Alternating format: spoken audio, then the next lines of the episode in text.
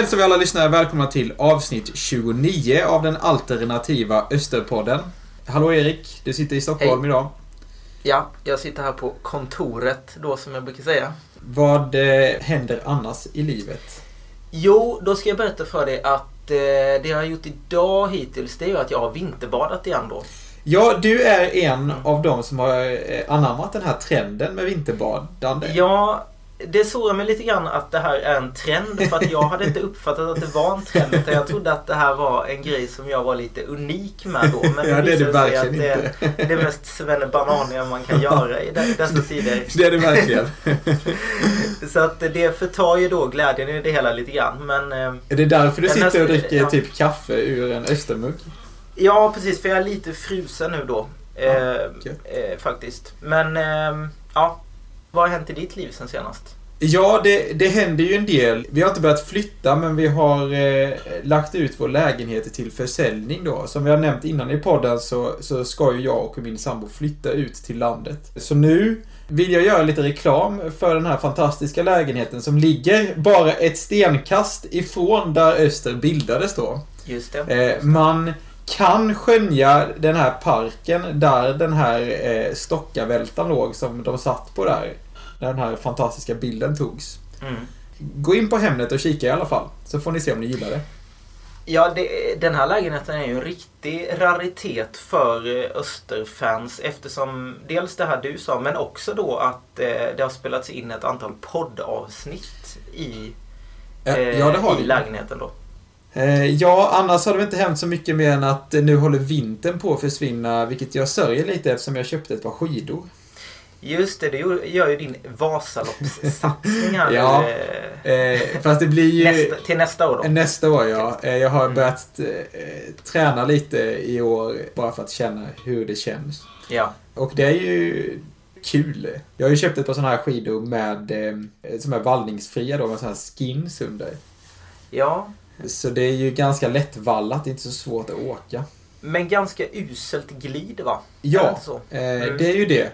Jag åkte ju då med vår gemensamma vän Filip Rydberg här, som även är en poddbekanting från ett av de tidigare avsnitten. Och han, han hade sin pappas gamla skidor som hans pappa åkt Vasaloppet på en Ja. gång i tiden. Eh, som vallades då för 15 år sedan. Eh, och han lever ju fortfarande på den vallan. och han hade inget jättebra fäste. Eh, men däremot ett jävla glid. Ja, ja. ja det, skidåkning kan ju vara så frustrerande. Jag, jag kan ju ta upp ett minne som också har med podden att göra. Och det var ju då när jag och Mr G var med. Eh, jag var med er i fjällen helt enkelt. I Trysil Eh, och- var vi va? Ja, precis. Och sen så var det ju så att eh, en då annan poddbekanting, nämligen din far, skulle ta med oss ut och åka längdskidor. Och då hade jag ju just såna här skidor som du nämner här med fjäll på va? Ja. Som man inte behövde valla. Och jag hade ju verkligen uselt glid. Eh, jag vill inte skylla på det. Men det var ju så att eh, din far åkte ifrån mig och Mr G ordentligt. Jag menar vi var ändå fotbollsspelare och hade nog ganska gott självförtroende. Var var ni? Men, I eh, mi- mitten av tonåren någonstans va? Ja, det var det ju. Vi gick på högstadiet tror jag. Men Mm. vi fick... Eh, det var liksom... Eh, ja, vi, vi väggade helt enkelt. Både, både jag och Mr G. Ja, ni hade Och inte fick, en chans. fick se honom flyga iväg där som en, eh, som en norrman. ja, liksom. ja. Ja. ja den, den historien har man hört några gånger. Alltid lika rolig. Ja. ja. Eh, Ehm. apro- apropå min far. Så Mm. håller ju även han på att flytta då. Just det. Eh, han ska ju flytta till ett lite mindre hus som ligger här i byn. Och, Flytta eh, tillbaka till det huset dock. ja, precis. Han har ju byggt det huset en gång i tiden. Mm. Och då, eh, i hans flytt, så har det ju kommit fram den här signerade Östertröjan. Som vi la ut på Instagram. Ja. Och efter lite förstoringsglasarbete så kom jag nog fram till att det är ändå 2005 års eh, upplaga av Öster. För Per Cederqvist är med, John Pelu verkar vara med, Erik Tengroth syns väldigt tydligt som en signatur. Ja. Och även eh, Gud Freddy Borg är ju med då. Ja, precis. Mm. Vi eh, började ju givetvis spekulera om värdet på denna tröjan. Ja. Eh, vi frågade en granne här som är Östersupporter hur mycket han trodde den var värd och någon tusenlapp har vi kommit fram till i alla fall. Det tror jag Eh. Men det kanske, kanske till och med kan vara ett par tusenlappar om man hittar rätta köparen. Eh, ja, precis. Men det är ju ingenting du kommer sälja såklart. Eh, nej, det är det inte. Eh, och Nej. det är ju dessutom inte, utom inte min tröja då, utan det är min fars Nej. tröja. Just det. Han hade fått den här tröjan av en av hans kompisar vars dotter hade varit på någon sån här jippomatch. Jag tror det var i Ingelsta. Där hon hade vunnit den här då, eh, tröjan. Och den, Ja. den familjen, den är ju noll fotbollsintresserade. Så då Ja. hade de ju tänkt att den här, den här kan vi ge till Janne. Han, han älskar ju. Öster. De förstod inte Ja. värdet i tröjan då. Nej. Så det är bakgrunden till den fina signerade tröjan.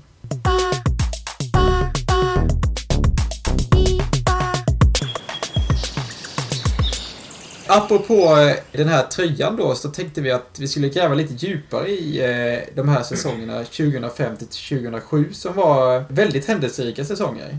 Mm. 2005. Vem var tränare då? Det var eh, Lasse Jakobsson. Ja, precis. Och eh, Öster spelar ju 4-3-3. Och kommer ju då tvåa i tidernas förmodligen tuffaste superetta med lag som AIK, Örebro, BP och IFK Norrköping. Mm. Dessutom AIK det- vann va? Ja, AIK vann det året och Öster kom då tvåa. Mm. Och det fanns ju lite nya spelare den här säsongen. Eh, och de gick ju inte av för hackor. Du har redan nämnt några här. Freddy Borg, John Pelu och Marco da Silva är väl några som sticker ut ordentligt. Mm. Och vad händer då 2006? Det första som händer är väl att Marcus Jonsson går till AIK. Ja, han försvinner. Vad är det mer som händer på eh, spelarfronten detta året, Petter? Eh, Det värvas ju in en och en annan eh, icke-svensk medborgare. Ja, precis. Det här är ju ett, en säsong då som Öster ska spela i Allsvenskan och de rustar ju ordentligt Ja. eh, detta år. Eh, Jag minns att eh, Text-TV hade en sån här notis om eh, att eh, Öster hade gjort ett nyförvärv och det var den eh, målfarliga anfallaren från Estland, Ingmar Tever. Och den läste jag och jag satt och mös i soffan när jag läste den. Verkligen. Och tyck- tänkte att det här kommer bli bra. Det är nog den mest klassiska text-tv-notisen någonsin förmodligen. Ja, det är det. Verkligen. Jo, men det är riktigt att eh, Ingemar, som han heter, Mm. han kommer ju in. Dessutom så kommer ju Helge Danielsson. Mm, det var ju en fantastisk värvning. Det var en fantastisk värvning. Pavel Savadil var också en fantastisk värvning. Eh, heter han inte Pavel Savadil? Ja, det sa jag väl. Du sa Pavel. Men eh, det var ju en gudabenådad tekniker, det måste man Det var säga. det verkligen. Vad synd att han inte lyckades bättre än han gjorde. Ja. Dessutom dyker ju mitt i säsongen då Paulo Figueredo som precis hade spelat VM för Angola upp i Mm. öster. Det var också en fantastisk fotbollsspelare. Verkligen. Och sen då såklart världens snabbaste man, Theofor Bennett. Ja. Gick jag också Han var ju i alla fall snabbare än världens snabbaste man, hävdade han Ja, själv. precis. Och vid den tiden så var det ju Asafa Powell. Det var ju inte Usain Bolt. Nej, precis. Han hade ju faktiskt vunnit då mot sin barndomskamrat Asafa Powell i ett skolmästerskap Mm. hemma i, på Jamaica. Men eh, det som ska sägas också, det var ju då att Theofor var ju då två år äldre än Ja. Asafa Powell när han vann. Då. Det är inte så konstigt då att han vann. Eh, nej. Enligt Ola Rydén så var det man letade efter, det var citat då, en djupledslöpande anfallare. Ja. Eh, och det var ju verkligen precis det man fick. De hade gjort sin research om Bennett. Ja, och eh, så sent som i april då 2006 hade han gjort mål för Jamaicas landslag när de spelade 1-1 i matchen mot USA. Och vad heter då Jamaicas landslag? Eller kallas Jamaicas landslag? Eh, Reggie Boys. Ja. Reggae Boys. Ja. Ja, och eh, det här målet då det innebar att USAs målvakt då, den ganska kända Tony Meola, som jag tror att åtminstone de som är lite äldre än vad du är kommer ihåg från VM 94, för han hade ju då sin hästsvans. Ja, ja. Han eh, kunde inte då hålla nollan i sin hundrade landskamp tack vare att Theofor Bennett då gjorde mål på honom. Ah, aha. Mm. Det är lite kul. Han eh, gjorde väl typ fem mål eller något sånt där bara under sin tid i Öster? Ja, det var inte jättemånga i alla fall. Nej. Vet du förresten vad som hände när Öster mötte Gävle 2006? Ja, det var väl den här matchen då de hade med för många icke-EU-spelare. Ja, precis. Som du säger så var det ju så att eh, Öster inte riktigt hade koll på reglementet. Eh, utan eh, helt sjukt. man hade ju då tagit upp fyra icke-EU-spelare i spelarförteckningen och tillåtet var ju bara tre. Mm. Så Theofor Bennett var ju en av dem och så var det ju då Jamba Asha, Tyler Hughes och en man som heter Delvin Countess. Ja, jag läste som också det namnet, men jag har ingen aning om. Kan det varit en målvakt? Ja, precis. Han var ju målvakt och eh, tydligen så hade han provspelat både för Auxerre och Metz i franska ligan Mm. 2006 innan han eh, skrev på för Öster då. Ja. Eh, och så spelade han då tre matcher för Öster den säsongen. Men eh, jag har verkligen glömt bort Ja, jag minns bara den här Robert Veselowski som var väl Ja. ungefär samtida va? den så kallade Vesslan. Eh, men eh, ja, som sagt, de hade använt sig av fyra EU-spelare istället för och, tre då. och det här skulle ju då fotbollsförbundet ta, ta tag i och bestraffa Öster. Ja, och eh, det är ju då väldigt kul med tanke på hur lite de bestraffade Öster. Vad var det? 5000 kronor de fick i bot. Ja, precis. Böter 5000 kronor. Alltså man tänker ju att till och med Öster hade råd med det. Men som vi alla minns då eh, så hjälpte ju inte alla dessa värvningar. Öster slutade ju näst sist i Allsvenskan. Tre poäng ifrån Häcken. eh, Som Mm. då låg på negativ kvarplats. Och Öster åkte ju då ur Allsvenskan. Nämnas kan ju också att eh, AIK då som tog steget upp tillsammans med Öster, de kom ju faktiskt tvåa i Allsvenskan. Det som man också kan notera från säsongen 2006, det är det att Lasse Jakobsson faktiskt fick sitta kvar som Östertränare hela säsongen. Trots då att det gick ganska dåligt. Eh, sen då till säsongen 2007 så blev han ju då såklart utbytt ändå. Kommer du ihåg vem det var då? Ja. Det var det svåruttalade namnet Gilles Sti- Stille, eller Jill Style, eller hur man nu uttalar det är en gåta för mig. Ja, precis. Jag brukar ju då säga Gille bara. Okej. Eh. Du är Gille med Gille. Ja, precis. Men det var ju också så att det blev ju knappast något gille för Gille, så att Nej. säga. Det kan man inte säga. Tror du, tror du han gillade de här Gillekakorna? Ja, det är ju precis det. Det är ju det första man tänker på när man hör ordet gille. Ja. Så tänker man, de är ju faktiskt väldigt goda tycker jag. Vilken är din favorit? Eh, Det är ju då de här havrekakorna med lite ringlad choklad över. Ja, du gillar dem. Jag gillar ju dem. eh, Det är också typ havrekaka, men det ser ut som att man, man har lagt ihop två stycken och så är det choklad i mitten. Ja. Nu när du säger det så ångrar jag mig direkt och tänker att det är ju min favorit också Ja, såklart. de är ju väldigt Ja. goda. De är väldigt goda. Och eh, ja, men trots att Öster eh, lyckades behålla väldigt många av de här dyra utländska förvärven som man hade inhandlat då, eh, år 2006 där.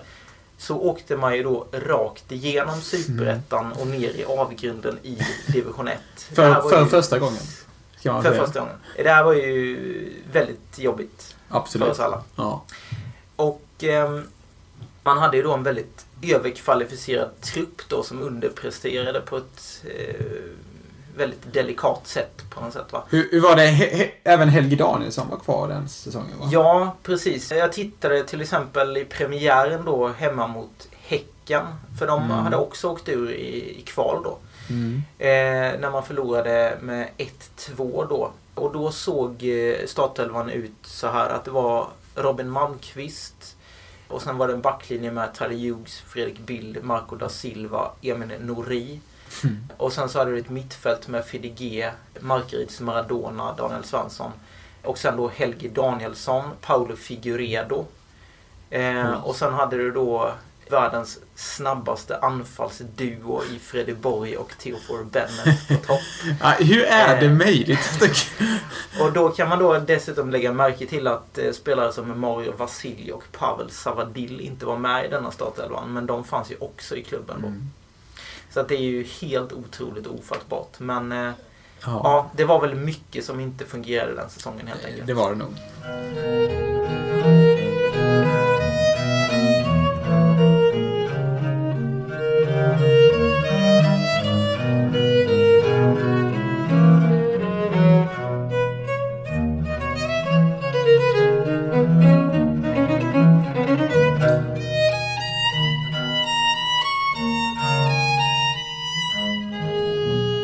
En annan lite aktuell grej då apropå både 2005 till 2007 men också dagsaktuell det är ju det här när man följer då coronarapporteringen så är det ju så att eh, man kan haja till där lite grann ibland.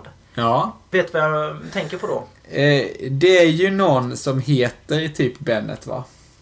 Ja, precis. Det är ju faktiskt två personer. Ja, det är två personer till och med. Och det är ju då Elisabeth Wall Bennett.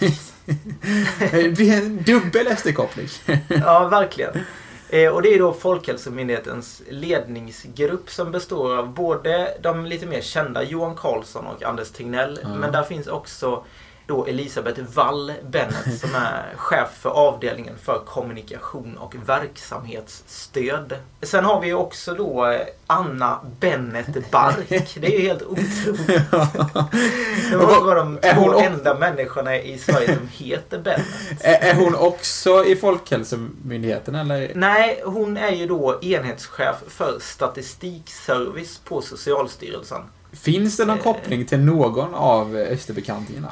Eh, jag skulle inte tro Nej, det ändå. inte. Men... ehm, Det eh, skulle ju kunna vara en släkting till den som grundade Barks korvkiosk då. Just det, ja. Barks korvkiosk är ju någonting som eh, jag tror att alla fotbollsspelare i Växjö med omnejd har någon slags relation till gissar jag. Ja, och eh, alla gymnasieelever som har gått på antingen Teknikum eller Kungsmad har ju en relation till Barks korvkiosk också. För det var ju Så- dit man gick när det inte var god mat i skolan. Just det. Men sen var det också då att eh, det var ju alltid en samlingsplats där när man exempelvis då skulle åka till Furuby och spela Ja, fotboll. Så, så samlades ju alla eh, vid Barks korvkiosk och sen så åkte man då i gemensam trupp dit. Och det var ju för att det var en gratis parkering på baksidan av korvkiosken va? Ja. ja, och sen var det ju på något sätt, alla visste ju vad Ja, det var och sånt. Sant.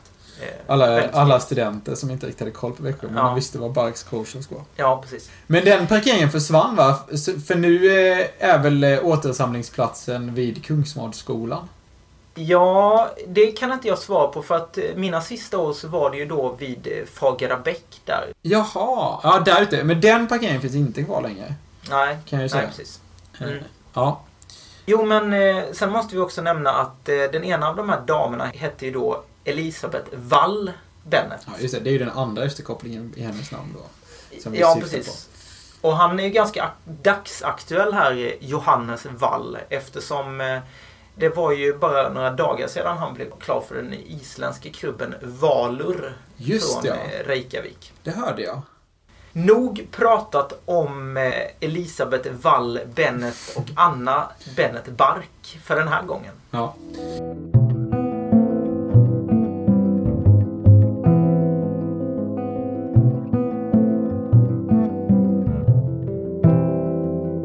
Vi skulle nämna att det har varit eh, faktiskt tre träningsmatcher nu.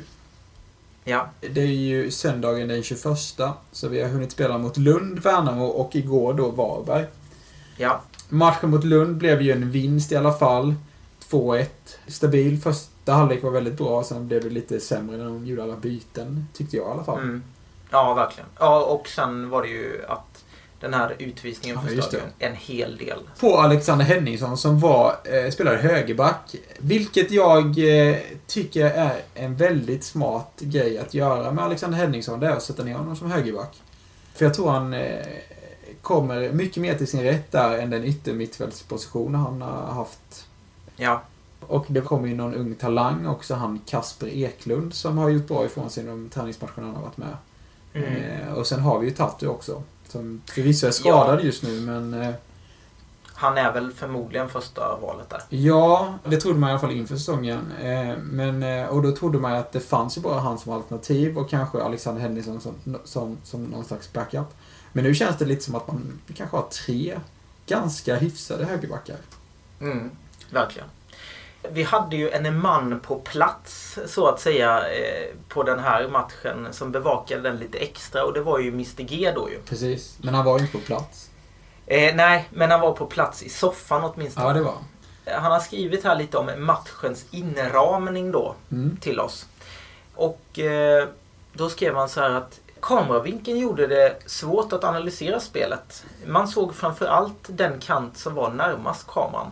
Eh, ibland skymtade man kommentatorerna Viktor Lag och Dan Magnusson. Det såg jag också, bakhuvudet på dem. Eh, den förre i en mysig ljusgrå munkjacka med händerna på ryggen framför ett lite lägre bord med en dator på. Den senare ett par meter längre bort vid ett ståbord. Ja, de hade någon väldigt corona-anpassat Ja. avstånd där. Ja, verkligen. Klädd i någon form av mörk tröja. Jag tyckte att de skötte sig bra. Kemin dem emellan utvecklas från dag till dag. Ja. Intressant att notera att Rochester var kapten. Givet hur konkurrensen bland mittbackarna ser ut blir det kanske han som blir mest given i laget bland de potentiella kaptenerna. Och därför kommer att bära binden oftast. Ja, det- det ligger kanske någonting i det, även fast jag kanske ser de två senare mittbackarna som har hållit kaptensbindeln i matcherna efter det som kanske mer givna kaptener i så fall. Men de kanske inte är helt givna någon av dem. Och då pratar jag ju då om Måns Berg och Filip Överlund. Ja, alltså den, den mittbacken som känns mest given i år är väl ändå Filip Örnblom. Ja, men eh, det talar ju lite mot honom det här att Stenberg har en vänsterfot och är ju väldigt naturlig att spela till vänster i mittbacksparet. De andra tre mittbackarna då, man ändå får säga finns, de är ju högerfotade och eh, känns lite som att de konkurrerar med en plats. Tycker jag i alla fall. Men Mm. visst, det, det har ju funkat förr att spela med två högerfotade mittbackar. Ja, vi får väl se lite här. Det, när man lyssnade på eh, den här intervjun återigen med Mario Vasilj så uttryckte han ju väldigt tydligt att eh, han tyckte om det här att han var vänsterfotad. Mm. Och ehm, det är väl så att det är såklart en fördel men då måste man ju tänka att då måste han ju vara åtminstone precis lika bra som Berg och Örnblom i eh, liksom det defensiva spelet och så Precis, vidare. precis. Och där vet vi ju att både Berg och Örnblom är duktiga. Så att, eh, Ja. mm, Eh, det var lite intressant här nu senaste matchen mot Varberg som spelades igår. Det blev ju förlust dock med 1-0 men vad jag såg och vad jag kunnat läsa mig till i efterhand så gjorde ju de en väldigt stabil defensiv insats. mm. Eh, och då var det ju Örnblom och Stenberg som spelade eh, ihop, får jag fatta det. Ja, precis. Så var det ju. Jag upplever nog att det hände inte särskilt mycket åt något håll i den matchen. Och det Nej. målet som de gjorde var ju rätt så slumpmässigt. Eh, såg ju lite märkligt ut på många sätt. Ja. Men, eh, ja, men Öster ser ju stabila ut liksom på alla möjliga plan. Det här var ändå ett allsvenskt lag man mötte igår ju. Jo, än så länge ser det väl ganska lovande ut. Det blev ju även en vinst med 5-0 mot Värnamo och där var det ju några Ja. unga killar som imponerade. Även Ja. som man har läst sig till. Ja, kanske inte minst den här eh, Emil Wolf då. Precis. Och han var bra igår också va? Ja, det var han. Eh, Väldigt så här genombrottsspelare tycker jag. Lite Peter över honom eller? Ja, det, fast ännu mer, lite mer rakt på mål på något sätt. Ja. Ja. Spännande. ja. Både Wolf och Sahirovic, de har ju varit väldigt duktiga i de här matcherna och eh, de kommer ju säkert utmana här om eh, platser på mittfältet. Då. Ja, det ska bli väldigt spännande att se om de kan kanske ta sig en plats, någon av dem. I alla fall Ja. eh, ibland. Eller ja, få göra lite mer kontinuerliga inhopp på starten av matcher i alla fall. verkligen. Intressant. Mm.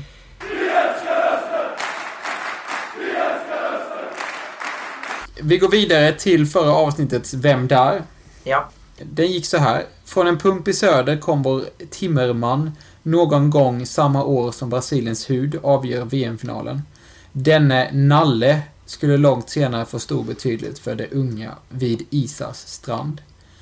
Eh, och det var ju då Björn Andersson vi eftersökte. Jag vet inte om vi ska gå igenom ledtrådarna, de var väl ganska givna. Men vi har ju en vinnare. ja, Och föga förvånande så var det Peter Hansen som skickade in ja. eh, det rätta svaret först. Peter har alla merch redan så han får nöja sig med ett stort grattis.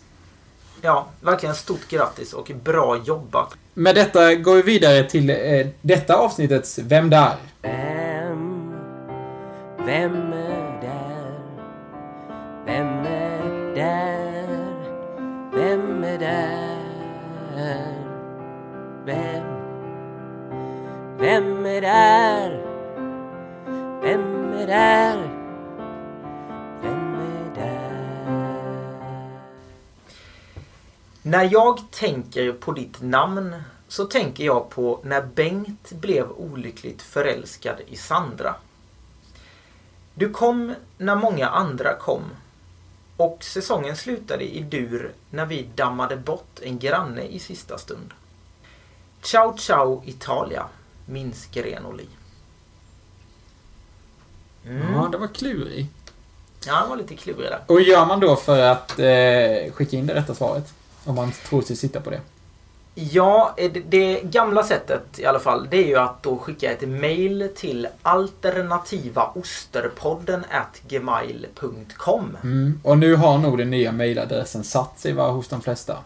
Jag tror det. Ja, Men är man lite- kan ju också göra på andra sätt. precis. Det är lite mer nutida och eh, moderna sättet är ju att kontakta oss via de sociala medierna. Och då är det ju antingen Twitter eller Instagram man det. eh, hör av sig på. Eh, det går bra Eh, vilket som. Ja.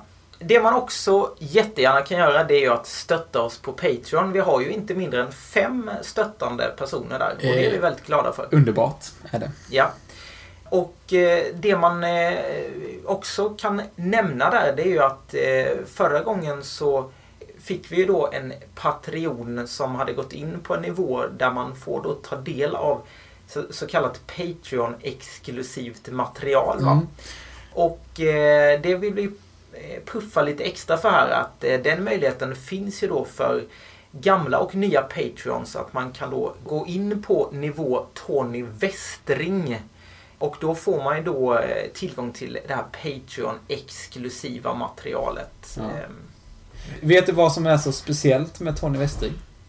Ja, eh, om du tänker på det här så att säga dagsaktuella så vet jag ju det. Ja, det är att han har börjat följa oss på Instagram. Det är ju jättestort. Ja, det är Eh, väldigt stort. Vi hade Eh, blivit ju enormt såklart- glada om. Tony Westring hade velat gå in på Tony Westring-nivån och stödja oss på Patreon. Verkligen. Och Erik, hur stöttar man då oss på Patreon? Jo, det gör man genom att gå in på www.patreon.com snedstreck alternativa osterpodden. Ja, just det. Utan prickar, eller hur är det? Eh, ja, Vad bra. Med detta så eh, tackar vi för eh, denna gång och på återseende. Ha det bra! så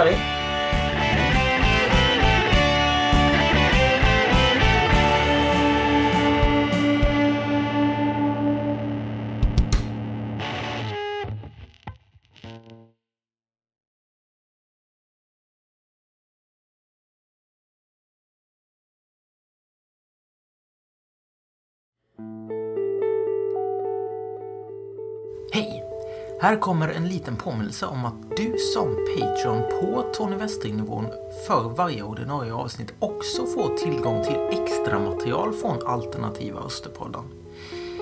I den här omgångens Patreon-avsnitt pratar vi om IF Löddes äventyr i Svenska Cupen liksom om den unge John Stenberg. Dessutom bjuds det på frågesport om Marcus Astvall. Missa inte det!